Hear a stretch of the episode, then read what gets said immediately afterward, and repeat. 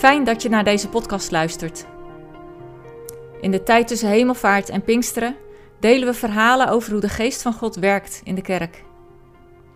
Vandaag hoor je het verhaal van de Koerdische partnerorganisatie van Verre Naasten. Deze organisatie verspreidt vanuit Nederland het evangelie onder Koerden wereldwijd. Je hoort hoe de geest van God de grenzen doorbreekt en hoe belangrijk het kan zijn om het evangelie in je eigen taal te horen. De tekst voor vandaag is Handelingen 2, vers 1 tot 11. En een kerntekst daaruit is: Allen werden vervuld van de Heilige Geest en begonnen op luide toon te spreken in vreemde talen. De taal van je land en van je hart. De Heilige Geest is erg belangrijk voor ons werk, omdat Hij op manieren werkt die we zelf niet kunnen bedenken. We proberen wel creatief te zijn, zodat er zoveel mogelijk mensen van Jezus horen, maar ook ons kunnen is beperkt. Maar soms gebeurt er zoiets wonderlijks. Laatst was er een student aan de universiteit die een SD-kaartje van ons in handen had gekregen. Je weet wel, zo'n digitaal kaartje dat je in je telefoon of in je laptop stopt. Op die SD-kaart stonden meerdere preken en video's over het christelijk geloof. Die studenten luisterden de preken en ze bekeek de video's.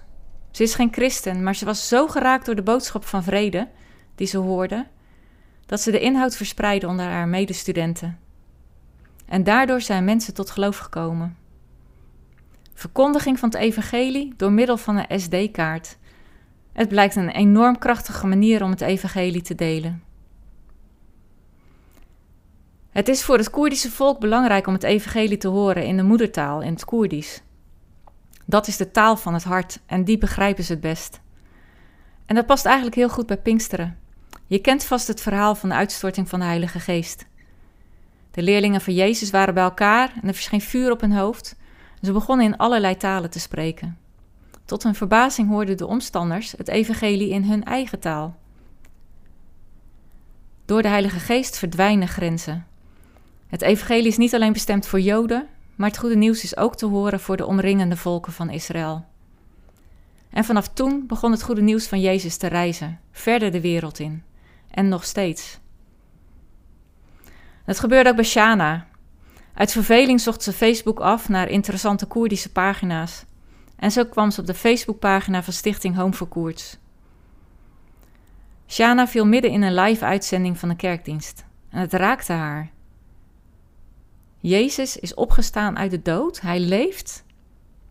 Na die dienst zocht ze contact via de Facebook-chat en stelde veel vragen om beter te begrijpen wie Jezus is.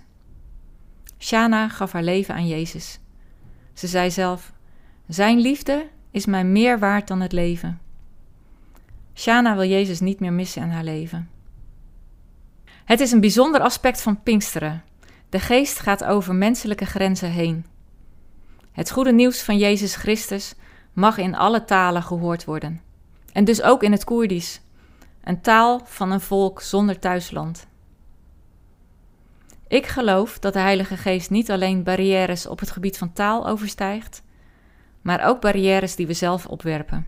De muren om je hart, dingen in je leven die je van God weghouden, verslavingen, verdriet, weerstand, wat dan ook. Ik geloof dat je Gods geest mag vragen daar doorheen te breken. Hij spreekt ook de taal van jouw hart. Dan ontstaat er weer ruimte voor God in je leven.